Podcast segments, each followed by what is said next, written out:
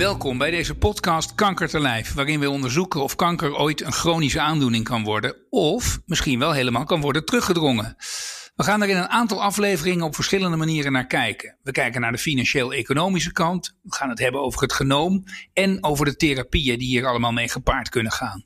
Deze podcast wordt gesponsord door Roche. Roche ontwikkelt zowel geneesmiddelen als diagnostische hulpmiddelen, onder meer in de behandeling van kanker.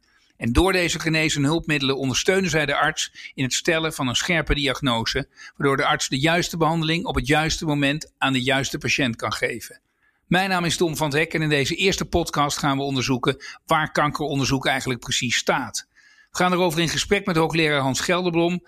Hij is hoofd van de afdeling medische oncologie bij het Leids Universitair Medisch Centrum. Hans, allereerst welkom uiteraard. En ja, laten we eerst maar eens even dan meteen met de deur in huis vallen. We hebben het over een ziekte die op zeer grote schaal voorkomt. Over wat voor aantallen hebben we het dan eigenlijk? Ja, ja die getallen worden in Nederland uh, uitstekend uh, bijgehouden door het Integraal Kankercentrum. we kunnen per jaar kijken wat het aantal nieuwe gevallen is en ook hoeveel mensen overlijden aan kanker. Als je bijvoorbeeld tien jaar terugkijkt, dan waren er 93.000 uh, nieuwe, nieuwe patiënten met kanker. En uh, nu zijn dat er ongeveer 120.000. Uh, dus dat is een flinke, ja. flinke toename. Maar het aantal mensen wat uh, overlijdt aan kanker, dat neemt de laatste jaren zelfs een klein beetje af. Dus dat gaat echt wel de goede kant op. Um, dat komt natuurlijk ook allemaal doordat er ongelooflijk veel ontwikkelingen en onderzoek op het gebied zijn in zeg maar, die voortdurende strijd. Um, daar zit een soort versnelling in, zeggen mensen. Uh, mijn eerste vraag is eigenlijk, zie je die versnelling ook? En, en wat zijn dan de belangrijkste doorbraken zeg maar, die er in de laatste jaren uh, aan ja. ontwikkelingen zijn geweest? Nou ja, als, als we nog even teruggaan naar die, naar die getallen. Um, de reden waarom, uh, waarom er minder mensen overlijden aan kanker, dat heeft zowel uh, te maken met de vroege opsporing van tumoren. Hè. We zijn er gewoon eerder bij. En als je er eerder bij bent, dan is het makkelijker te behandelen. De screeningsprogramma's die we hebben lopen, onder andere voor borstkanker en baarmoederhalskanker, maar ook voor dikke, dikke darmkanker. Dat is uh, een aantal jaren loopt dat nu en dat geeft echt fantastische resultaten. Omdat wij de tumoren dus in een veel eerder stadium uh, te pakken krijgen. En als ze dus kleiner zijn en nog niet uitgezaaid zijn naar de lymfklieren, heb je ook veel betere uitkomsten van je oncologische behandeling. Dat is, dat is een van de redenen. Een andere reden is ook dat we veel meer oog hebben voor uh, erfelijke factoren. Dus families waar kanker wat vaker voorkomt. En uh, dat we daar ook speciale screeningsprogramma's voor hebben voor hoge risicopatiënten. Bekend natuurlijk borstkanker, gen en eierstokgen. En daar kijken we beter en vaker naar. En uh, ook daar hebben we screeningsprogramma's voor, dat we het gewoon eerder opsporen. En anderzijds heeft het ook mee te maken, en dat, dat is natuurlijk wel heel bijzonder, althans voor mij als medisch oncoloog, dat er mensen zijn met uitgezaaide ziekte die nu veel langer uh, leven met, met kanker en misschien zelfs zou kunnen genezen inderdaad. En daar zijn een aantal doorbraken geweest op dat gebied. Is dat een combinatie of zeg je nou, er zijn één of twee dingen die er wel heel erg uitspringen, die, die daarvoor aan het zorgen zijn? Nou, misschien is het leuk om nog heel even terug te gaan van hoe heeft dat vak zich ja. ontwikkeld van de, van de oncologie. Dat, dat is zo'n beetje na de Tweede Wereldoorlog uh, begonnen. Veelal door toevalligheden. Uh, een schip met mosterdgas in de haven van Bari dat ontplofte. En toen kregen de mensen verlaagde witte bloedcellen. En dat had iets met leukemie te maken. En zo is die behandeling gekomen. En uh, in de jaren 60 en 70 van de vorige eeuw zijn alle plantjes uh, ter wereld gescreend op antikankerwerkzaamheid. Uh, die hele ontwikkeling die heeft onder meer geleid tot de genezing van patiënten met zaadbalkanker. Dat heeft een beetje tot het jaar 2000 geduurd. En toen zat een beetje de rek eruit qua uh, winst die je met chemotherapie ja. kon maken. En eigenlijk de laatste twintig jaar zijn daar een aantal hele mooie ontwikkelingen bijgekomen. En dat is dus de, de doelgerichte therapie enerzijds en de laatste jaren de immunotherapie anderzijds. En als ik het simpel zou moeten uitleggen, zou je zeggen dat het de rem van het immuunsysteem tegen de tumor de rem eraf haalt. Dus het stimuleert eigenlijk uh, het immuunsysteem om tegen de kanker te vechten. En dat werkt met name bij tumoren die ook goed herkenbaar zijn voor het immuunsysteem. Dus het werkt niet bij alle tumoren. En als je dat concept begrijpt, dan begrijp je ook dat de belangrijkste bijwerking van immuuntherapie is dat het uh, immuunsysteem zich ook tegen normale cellen zou kunnen keren. Gelukkig komt dat maar heel weinig voor. Um, minder vaak dan bijwerkingen bij chemotherapie, maar uh, het geeft wel ons een nieuw inzicht in uh, nieuwe bijwerkingen, waarbij dus eigenlijk een afweerreactie tegen het eigen lichaam kan zien. Maar daar zijn we heel ervaren in geraakt om dat op tijd te herkennen en goed te behandelen. En, en doelgerichte behandeling, wil dat zeggen dat je, dat je dichter op de tumor komt? Zeg ja, maar? ja, ja. Dus, dus wij leren de, de biologie van de tumor steeds beter kennen. Dus we weten dat er bepaalde groeifactoren zijn. Die kunnen op de celwand zitten of in de cel. En omdat wij die, uh, die uh, kenmerken steeds beter begrijpen en omdat er ook medicijnen zijn die specifiek op die, uh, die kenmerken kunnen ingrijpen, kan je heel doelgericht kan je scoren, om het maar een beetje in sporttermen te houden. chemotherapie werkte en werkt nog steeds heel goed bij een aantal tumoren, maar dat is eigenlijk, ja, je pakt alle sneldelende cellen aan, hè, dus dat is vrij grof geschud. En doelgerichte therapie is wat, eh, nou, je zou ook kunnen zeggen, wat eleganter en wat meer gericht op de, op de tumoren zelf. Kun je ons één voorbeeld geven een, van zo'n specifiek voorbeeld van doelgerichte behandeling? Jazeker. Uh, nou, bij borstkanker, hè, dat is een tumor die natuurlijk vaak voorkomt. Uh, daar heb je 1 op de 5 tumoren die heeft een bepaalde eigenschap op het celoppervlak, het HER2-eiwit. Uh, vroeger waren dat tumoren die juist heel agressief waren, snel groeiden en uh, slechte vooruitzichten, slechte prognose hadden. En sinds wij een behandeling hebben met een medicijn, een antilichaam, dat specifiek op die eigenschap van 1 op de 5 borstkankertumoren aangrijpt, is de overleving van die patiënten verdubbeld. Dus je geneest twee keer zoveel patiënten. Ja, dat, dat, dat soort dingen, dat zien we steeds vaker. Dat zijn echt wel doorbraken. En die immunotherapie, eh, dat is iets van de laatste jaren. Dat eh, begon bij het melanoom, maar dat wordt nu bij veel meer soorten uh, kanker ingezet. Zit daar nog rek in of zit dat eigenlijk pas aan het begin? Ja, uh, nou, kijk, ik ben internist-oncoloog, dus per definitie optimistisch. Dus ik vind, uh, en ik zie ook dat daar nog rek in zit. De eerste, de eerste stappen zijn natuurlijk snel gezet. Uh, het, uh, ja, de term low hanging fruit is al geplukt. En dat gaat dan met name om de tumoren die door schade zijn ontstaan. Zoals we weten ongeveer de helft van de kankers door, uh, heeft met roken te maken. Uh, we hebben natuurlijk een uh, aantal kankers die met UV-straling te maken hebben. En we hebben een aantal kankers die um, een erfelijke component hebben. En alle drie die tumoren die hebben een, ja, een, een onrustige tumor. En die zijn goed toegankelijk voor immunotherapie. En daar zijn echt wel hele grote winsten mee gemaakt. En die rek waar je het over hebt, ja, die, die moeten we nu gaan zoeken in uh, de andere helft van de tumoren die wat minder gevoelig zijn voor immunotherapie. Hoe maak je die meer gevoelig voor immunotherapie. Dat is een heel onderzoeksveld wat zich nu uh, aan het ontwikkelen is. Ja, jij vertelt ons dus, er is een enorme ontwikkeling geweest zeg maar, aan, aan de behandelkant. Er is natuurlijk ook heel veel onderzoek gaande aan de zeg maar, ontstaanskant uh, van kanker. Hoe is het daarmee gesteld? Zeg maar? Het is niet jouw specialiteit natuurlijk, maar werken jullie bijvoorbeeld veel samen met, met onderzoekers die, die veel meer naar de ontstaanswijze van kanker kijken? Ja, absoluut. En, en dat is denk ik in de doelgerichte therapie, maar ook in de immunotherapie trouwens. Ik heb daar twee mooie voorbeelden van. Bij erfelijke darmkanker is er een, een, fout in het genoom. En dat leidt tot extra gevoeligheid voor, um, voor immunotherapie. Dat is één.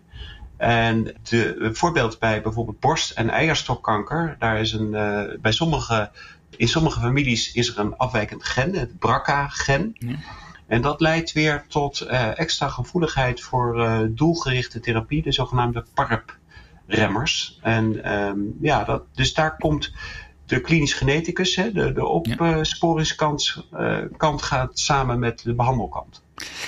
Is het juist ook die zeg maar, samenwerking en die van meerdere kanten naar dit probleem kijken, die, die, die voor de verdere winst moet gaan zorgen de komende jaren?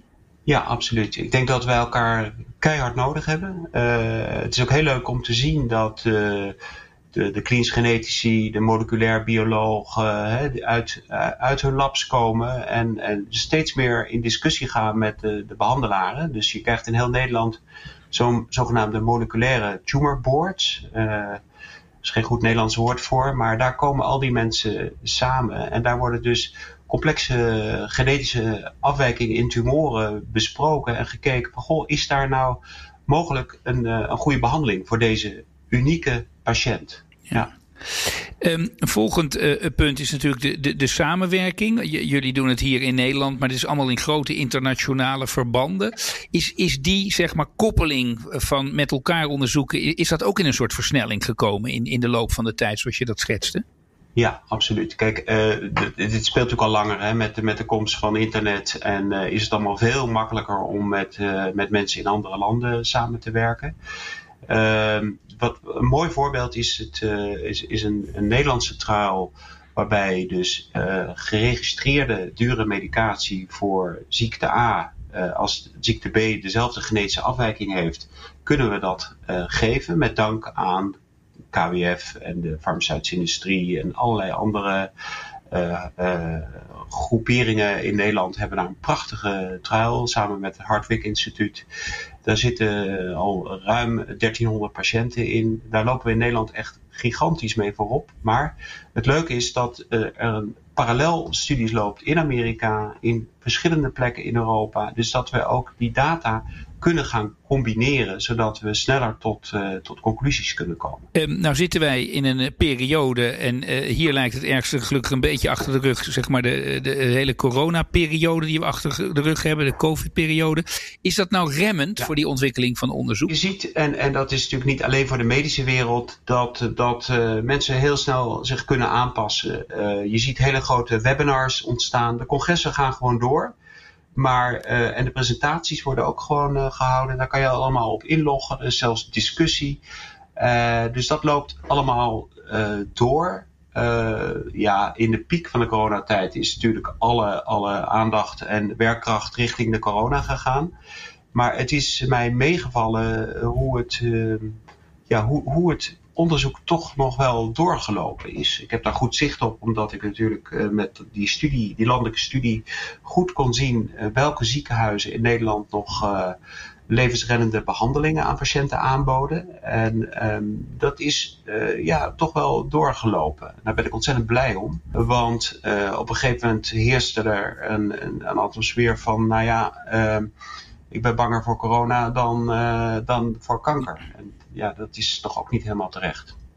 En jij verwacht ook naar de toekomst toe. Uh, gaan die congressen bijvoorbeeld en die ontmoetingen veranderen? Gaan jullie meer, nog meer zeg maar, digitaal uitwisselen per mail en dergelijke dan, dan je nu al deed? Ja, absoluut. absoluut. En uh, dat, dat, dat, ik denk dat dat heel goed is. Uh, je moet natuurlijk niet vergeten dat er, en dat geldt ook weer voor elk vak, dat er in de wandelgangen ook altijd veel gebeurt. En je bouwt nu nog een beetje voort zeker in de research op persoonlijke contacten die je de afgelopen jaren natuurlijk hebt opgebouwd. Dus ik denk niet dat het helemaal uh, één op één uh, de boel gaat vervangen. Maar ik denk wel dat er uh, vaker nou ja, webcongressen zijn dan, dan in het verleden. Ja. Um, als je kijkt uh, naar uh, onderzoeken, uh, de, de, geneeskunde komt uit de evidence-based periode, zeg maar, grote trials. Die zullen ongetwijfeld blijven. Je krijgt natuurlijk ook steeds meer de rol van, van de real-life data, om het maar met een mooi woord te noemen. Hoe verhoudt dat zich eigenlijk tot elkaar? Ehm, nou ja, kijk, als je het hebt over, over doelgerichte therapie, dan ben je soms op zoek naar een speld in een hooiberg. Hè? Dus, dus echt extreem zeldzame varianten waar dan goede behandelingen voor zijn. Ja, dan kan je geen grote, grote gerandomiseerde studies doen met, met uh, 400 of 1000 patiënten. Dat, die patiënten zijn er gewoon niet. Dus dan kom je in een situatie waarbij je dus uh, alle patiënten het experimentele, het nieuwe middel geeft. En als dat dan heel erg effectief is, dan, um, dan worden die middelen ook geregistreerd. Daar zijn nu al meerdere voorbeelden van. Daar ben ik ook ontzettend blij. Maar wel met de verplichting natuurlijk om dan ook te registreren hoe het in het echte leven gaat. En ik, ik vind het ook heel belangrijk om even te noemen dat al die prachtige trials die altijd gedaan zijn, daar, gaan uh, over het algemeen hele fitte patiënten in. En um, de realiteit is dat kanker toch een ziekte is die vaker bij oudere mensen voorkomt. En zijn die data, die, die, registratie, uh, waar de registratie op gebaseerd uh, is, ja, is dat wel te vertalen naar de echte praktijk? En daarom zijn die, uh, die registries ook heel belangrijk. De volgende vraag die jullie volgens mij ook erg bezighoudt is uh, bepaalde therapieën werken. En dan wil je natuurlijk uh, uh, nog steeds verder onderzoeken bij wie dat nou het beste, dat personalized medicine, zeg maar. Daar hoor je veel over. Dat woord, hoe ver staat het daarmee eigenlijk? Ja, nou ja, kijk, heel ver. Dat, is een ongelooflijke ontwikkeling geweest en die gaat maar door. Als je het hebt over longkanker, dat is een mooi voorbeeld. Uh, als je uitgezaaid longkanker had tien jaar geleden, nou ja, dat was eigenlijk uh, weinig, weinig kruid gewassen. Dat, uh, maar nu zie je dus dat je die, die longkankerpatiënten kan opdelen in allerlei varianten. De ene wat, is wat gevoeliger voor immunotherapie, de andere heeft een specifieke mutatie. dus het zijn eigenlijk nu tien verschillende ziektes geworden.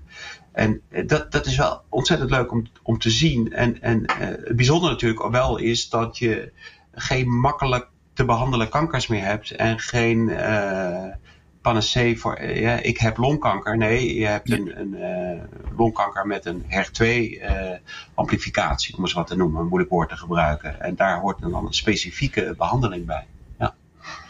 Um, een ander die ik eigenlijk net nog vergat te vragen over die data is dat prachtige woord artificial intelligence. Het allemaal koppelen van data. Het wordt natuurlijk ook in het onderzoek, uh, bijvoorbeeld ja. bij röntgenologie en, en andere beelden al gebruikt. Hoe zie ja. je de ontwikkeling daarvan? Gaat dat jullie nog helpen? Ja, absoluut. absoluut. En uh, goed dat je het vraagt.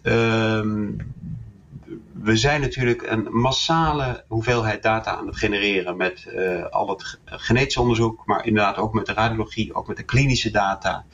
En, en um, een leuk project wat bij ons in het ziekenhuis nu uh, bijvoorbeeld uh, loopt op het gebied van kanker is, wij noemen dat computational biology, waarbij we een, een digitale tweeling proberen te maken van de patiënt die op dat moment binnenkomt. Hè? Dus dat je het koppelt aan iemand die daar ongelooflijk op lijkt in het verleden. En waarbij je dus uit het lab allerlei gegevens hebt waardoor je denkt van nou, dat zou eens kunnen helpen. En dat je dat dan uh, uiteindelijk vertaalt naar de patiënt, de, de echte patiënt die voor je zit in de, in de spreekkamer. Dat is een ongelooflijk spannende ontwikkeling. En daar hebben we ook echt wel um, klinisch technologen, statistici, allemaal mensen die vroeger geen enkele rol of nauwelijks een rol speelden. Uh, statistici natuurlijk wel, maar, maar uh, er komen allerlei nieuwe, nieuwe vakken die zich met uh, geneeskunde gaan bemoeien. Ja, het zijn enorme ontwikkelingen. Ik heb er nog één uh, die ik ook met je wil delen. Dat is eigenlijk helemaal aan de andere kant van het spectrum. Uh, ik las toevallig nog ergens dat er stond: uh, een kwart van de mensen met oncologische problemen leeft in Europa, terwijl daar maar één achtste van de wereldbevolking woont. Even los of dat helemaal 100% klopt, dat getal. Maar zeg maar omgevingsfactoren en dan zeg maar naar de, naar de preventiekant kijken om, om te voorkomen dat we het überhaupt hierover hebben. Is dat iets wat veel aandacht heeft? Ja, nou, ik, ik kan niet genoeg benadrukken dat niet roken de, de goedkoopste en beste methode is om, om kanker in de westerse wereld te, te, te, te, te halveren, bijna. Uh, dus dat is extreem belangrijk. Het, uh, um, anderzijds, uh, je had het over de westerse versus de niet-westerse wereld. Mensen worden in Europa gewoon ouder dan in ja. Afrika. En, uh, dus je hebt ook meer kans dat er celdelingen op een gegeven moment misgaan. En ja, je moet ergens aan doodgaan op een gegeven moment. Zeg je daarmee ook, uh, wetende dat ook een aantal mensen op jonge leeftijd zeggen, maar sommige mensen zeggen ja, het is ook gewoon een verouderingsziekte? Of is dat te ja. simpel samengevat? Nee, dat klopt wel.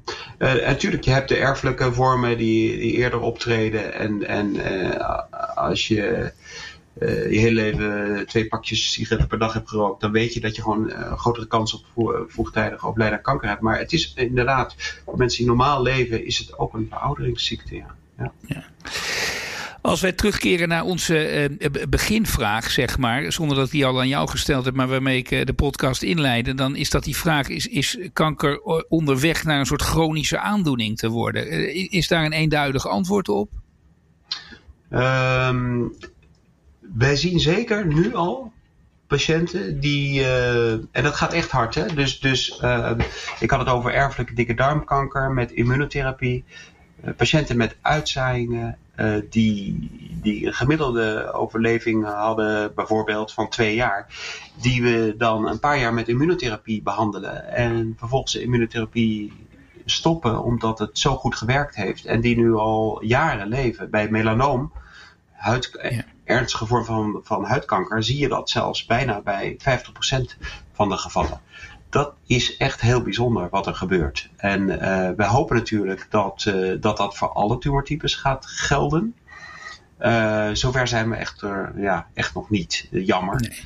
Maar ja, ik vind dat we wel hoop moeten houden. Maar ik ga niet beloven dat over vijf jaar kanker nee. de wereld uit is. Maar daar willen we je ook natuurlijk uiteraard niet op vastleggen. Um, waar ik nog wel benieuwd naar ben, is bijvoorbeeld bij zo'n congres onlangs in Chicago. Dan weet ik zeker dat jij naar bepaalde dingen, bij wijze van spreken, heel erg benieuwd bent. En bij een andere aantal dingen denkt, nou, dat hoef ik niet helemaal te zien. Waar ben jij nou heel benieuwd naar? Wat, wat, zijn nou de ontwikkelingen waarvan je denkt, daar wil ik per se, uh, daar, of daar heb ik hoge verwachtingen van?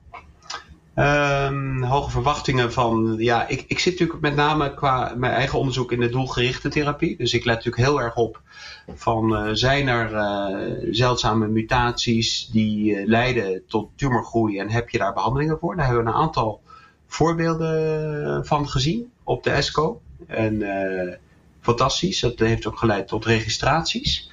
Dat, daar word ik heel warm van. Uh, verder zie je de voortgaande ontwikkeling van immunotherapie. Ook bijvoorbeeld het geven van immunotherapie voordat de tumor geopereerd wordt. Hè? Dus uh, als de tumor er nog in zit.